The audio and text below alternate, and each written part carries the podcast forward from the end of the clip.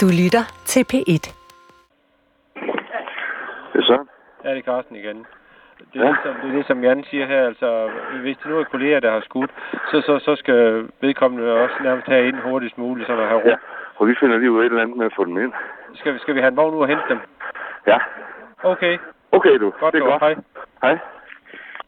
Lidt i tre om natten, den decembernat, det hele sker ude i Aneløsparken i Tilst. Der kører en betjent fra politigården i Aarhus ud for at hente de to betjente fra vogn 91. De skal ind og afgive forklaring. Han er på vej ud for at hente kom. Og vi 42 foran det lidt skidt.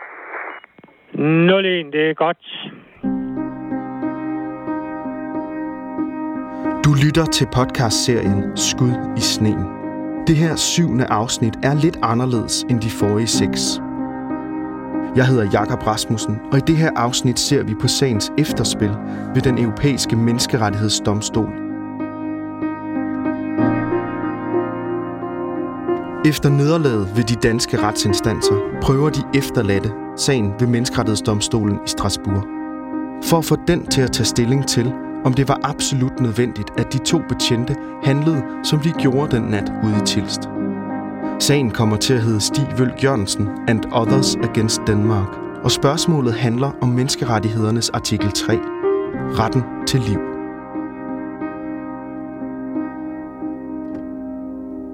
Det er jo den højeste domstol for menneskerettigheder for nu omkring 830 millioner mennesker i- i det store Europa. Og det er selvfølgelig unikt at have en sådan domstol, der rent faktisk virker. Og øh, der er Danmark selvfølgelig bare en lille brik jo, men samtidig er den jo også den sidste instans for danskere, som føler, at deres rettigheder er trådt under fod. Det her er Michael Rask Madsen. Han er centerleder og professor på Juridisk Fakultet i København.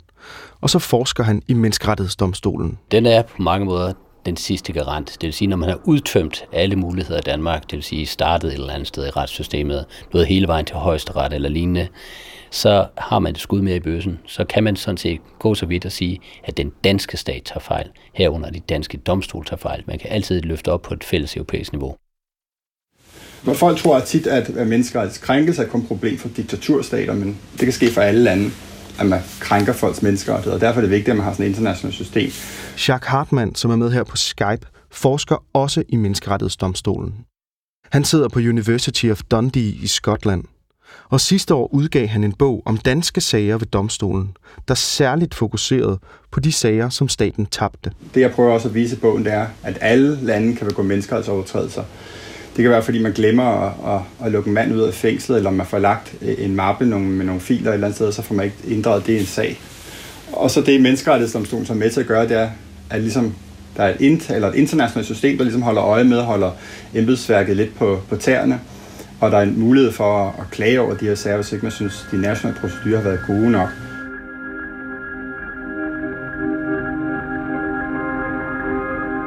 Menneskerettighedsdomstolen består af to kamre. Der er kammeret, som behandler langt de fleste sager, og så er der storkammeret, som kun tager sig af de allermest principielle sager. Og her er tilsagen på vej op, men den når ikke hele vejen. Da kammeret ved Menneskerettighedsdomstolen skal vurdere tilsagen, er dommerne i tvivl, om den er forældet. For fristen for at klage er 6 måneder. Og hvis man tæller fra højesterets afgørelse i civilsagen fra 2011, er sagen ikke forældet. Men hvis man tæller fra Rigsadvokatens afgørelse i 2004 om, at betjenten handlede i nødvæve og derfor er straffri, så er fristen for længst overskrevet. Fordi dommerne i kammeret er i tvivl, så sender de sagen videre til Storkammeret, som er domstolens øverste instans.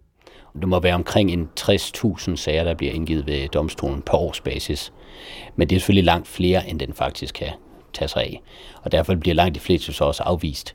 Men der er jo stadigvæk øh, omkring, jeg tror der er omkring 1.500 domme om året, og det vil sige, at den så afgør omkring en lidt over 2.000 indgivende klager. Så er der også et stort kammer. Ja. Hvad er det for nogle sager, der kommer derop? Storkammeret er jo ligesom det, det, det højeste organ, som skal tage sig helt principielle spørgsmål.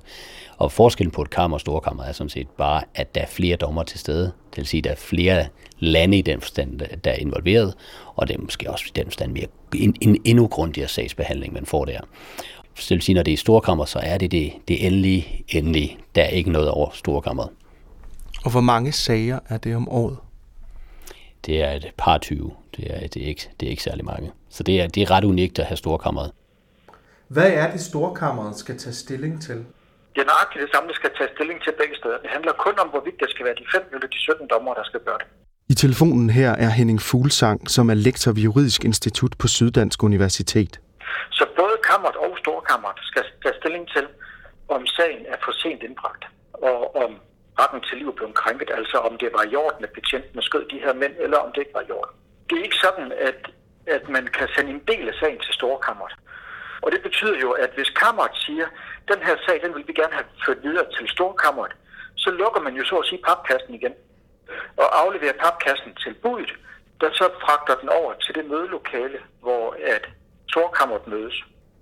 Og det betyder så, uanset om det er det ene eller det andet kammer, der skal tage stilling til det, så skal begge steder, alt efter hvor sagen nu bliver behandlet, så vil de begge to skulle tage stilling til i første omgang er sagen forældet, og i anden omgang er retten til liv så krænket.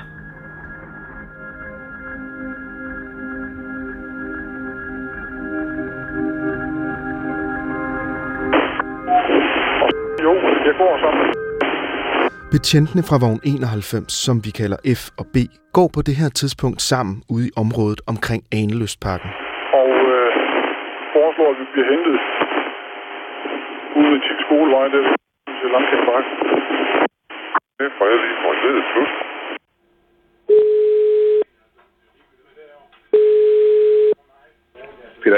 Bjarne, Kriminalpolitiet i Aarhus.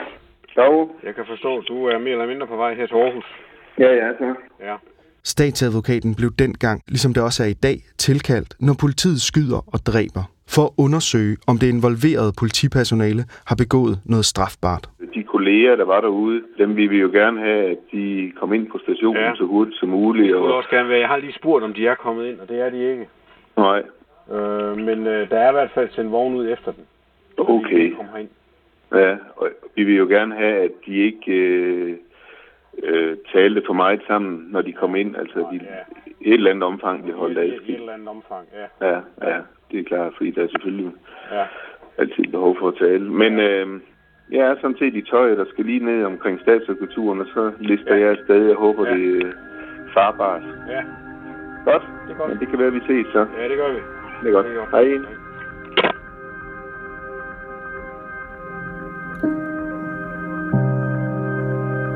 Når kammeret ved menneskerettighedsdomstolen sender sager videre til storkammeret, har begge parter i sagen vetoret, og kan altså forhindre sagens vej og sende den tilbage i kammeret. Men en række medlemslande, og herunder Danmark, vil fjerne den vetoret for at styrke den europæiske menneskerettighedsdomstol. Ved en konference i Brighton i 2012 tilsluttede medlemslandene sig en erklæring, hvor i der blandt andet står, at den her vetoret bør fjernes. I 2013 er det, der hedder protokol 15 på bordet. I den står der, at vetoretten fjernes, når alle medlemslande har ratificeret protokollen og dermed gjort den gældende. Men inden Danmark ratificerer protokollen, bruger de alligevel deres ret til at nedlægge veto. I tilsagen. Ja, det er lidt øh, besynderligt, kan man sige, at den danske stat modsætter sig det, øh, fordi vi havde der i øh, 2012 noget, der hedder Brighton-erklæringen, og der blev man enige om, at man vil fjerne den mulighed for staterne at modsætte sig henvisninger til storkammeret. Derfor var der ifølge Jacques Hartmann politisk enighed om, at man ikke modsatte sig, at en sag kom for storkammeret. Alligevel så siger Danmark, at det var en forholdsvis klar sag. De mente, der var forældelse, og derfor så de ikke nogen mulighed eller nogen grund til, at sagen skulle for storkammeret. Det er Udenrigsministeriet, der udad til kommunikerer med Menneskerettighedsdomstolen. Men det er Justitsministeriet, der repræsenterer staten Danmark, når der bliver kørt sager ved domstolen.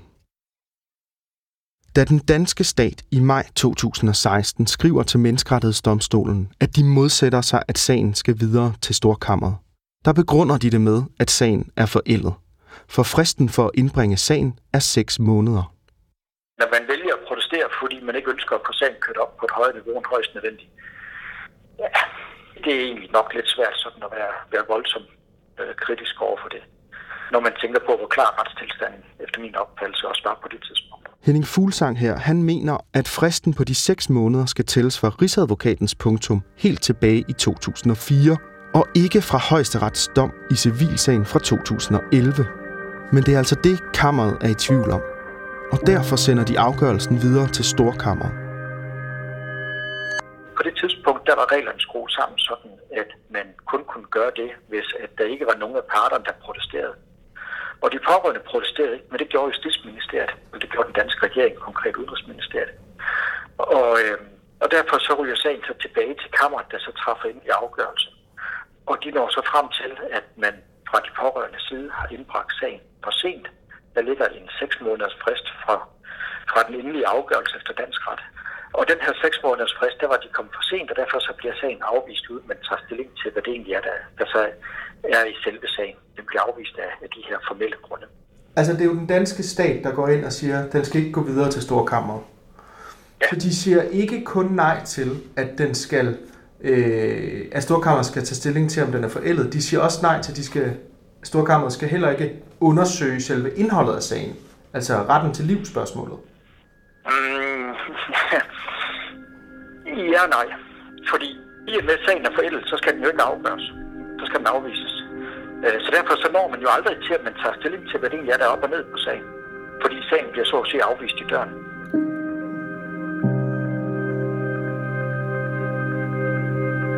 Dagsen i Torben. Jeg sidder hos statsadvokaten Nyborg, Jo. og jeg er sammen med Peter på vej øh, ind mod Aarhus. Vi kører i rimelig dårligt vejr. Tilbage til den nat for 17 år siden.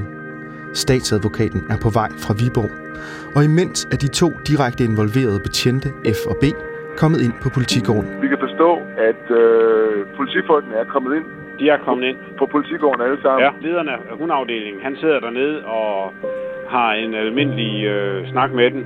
Ja. Og øh, han fik øh, besked på, øh, at øh, hvis vi begynder at snakke sag, så, så, så skal han afbryde det. Ja. Men i al almindelighed om, hvor- hvordan man oplever tingene og alt sådan noget, der, det, er jo- det er jo i orden. Men øh, hvis de gik i detaljer ned, så skulle det stoppes. Ja, okay. Så, det, så de sidder bare dernede og afventer for så vidt, at de kommer. Okay, fint nok. På politigården har lederen af hundeafdelingen en snak med B og F. Han får at vide, at de to betjente ikke må snakke sammen om sagen, for de må ikke kunne samstemme deres forklaringer.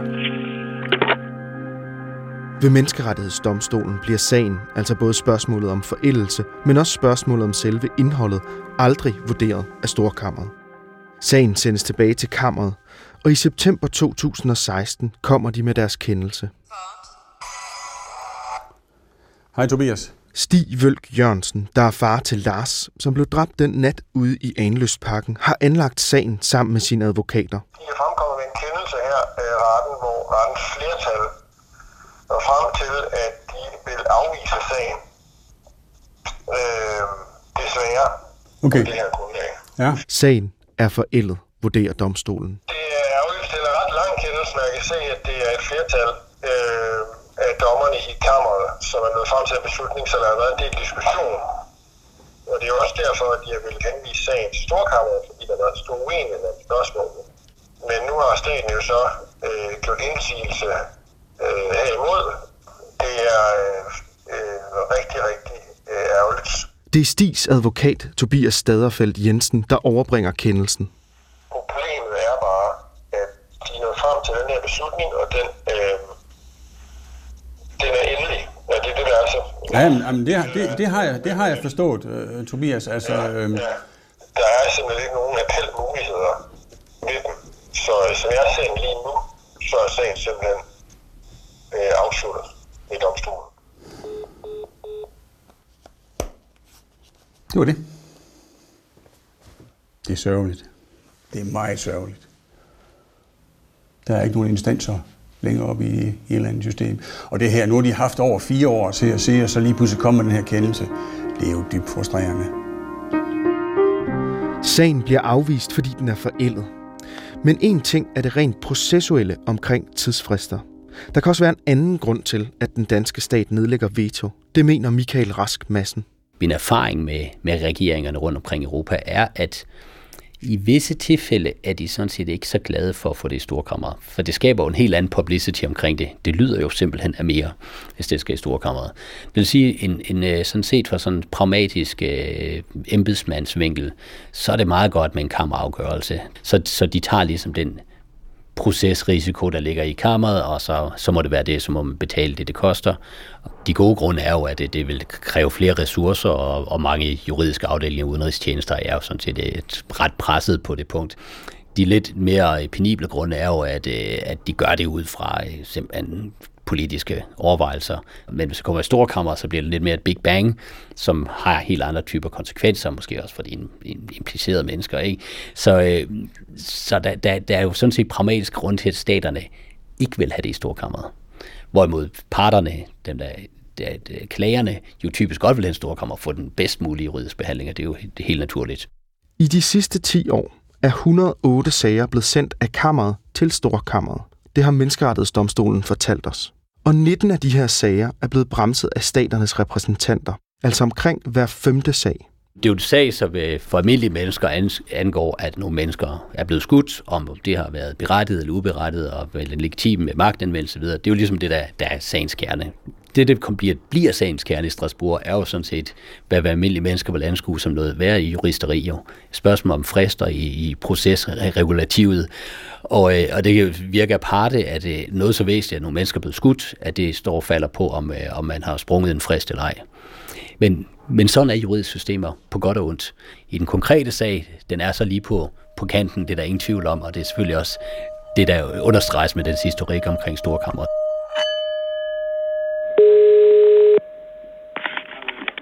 Hundeafdeling Gert. Ja, hej Gert, det er Søren. Hej Søren. Havde mulighed for at komme ned lige? Det har de i hvert fald. Okay, de det er... KSN? Ja, det er bare i orden. Okay, du. Godt, hej. Godt, hej. Ja, må jeg Bjarne? Han er ikke her. Nå.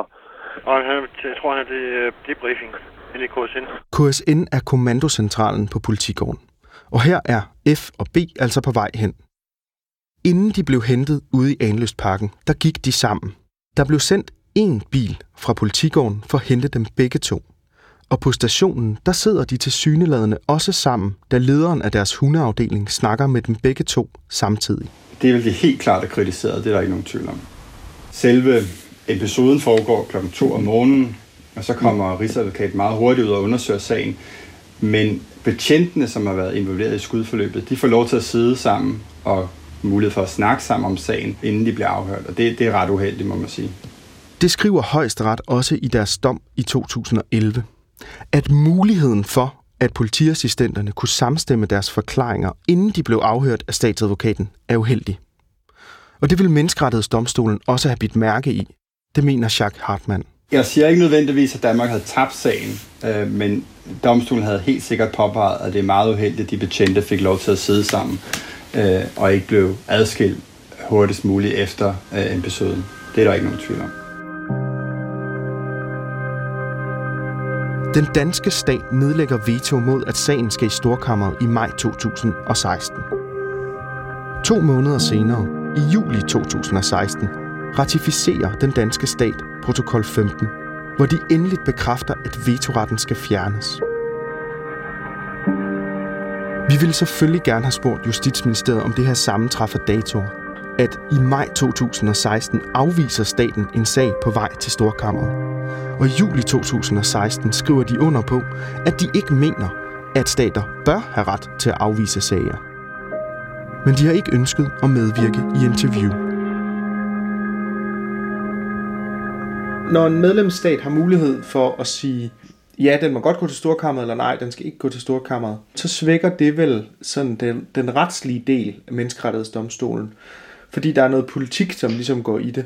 Ja, men der er meget politik, og det ser vi også i Danmark i øjeblikket, øh, at der er meget politik i menneskerettigheder øh, og internationale jure generelt. Øh, de fleste medlemslande, eller medlemsstater til Europæiske menneskerettigheder, de ser rigtig gerne et skarpt eftersyn af alle de andre medlemsstater, men helst ikke et så skarpt eftersyn af dem selv.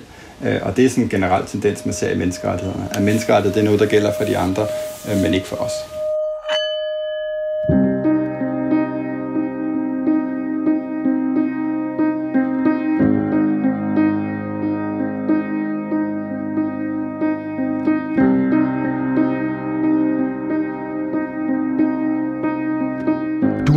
det syvende og sidste afsnit af podcastserien Skud i sneen fra P1 Dokumentar.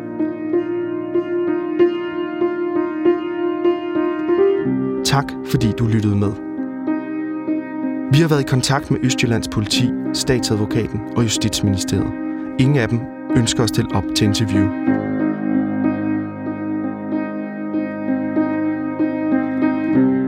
Skud i sneen er tilrettelagt af Jakob Rasmussen og Cecilie Nielsen.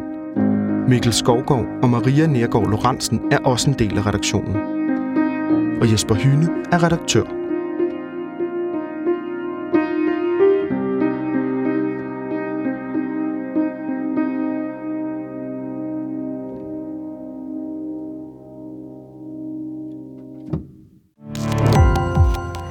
Gå på opdagelse i alle DR's podcast og radioprogrammer. I appen DR Lyd.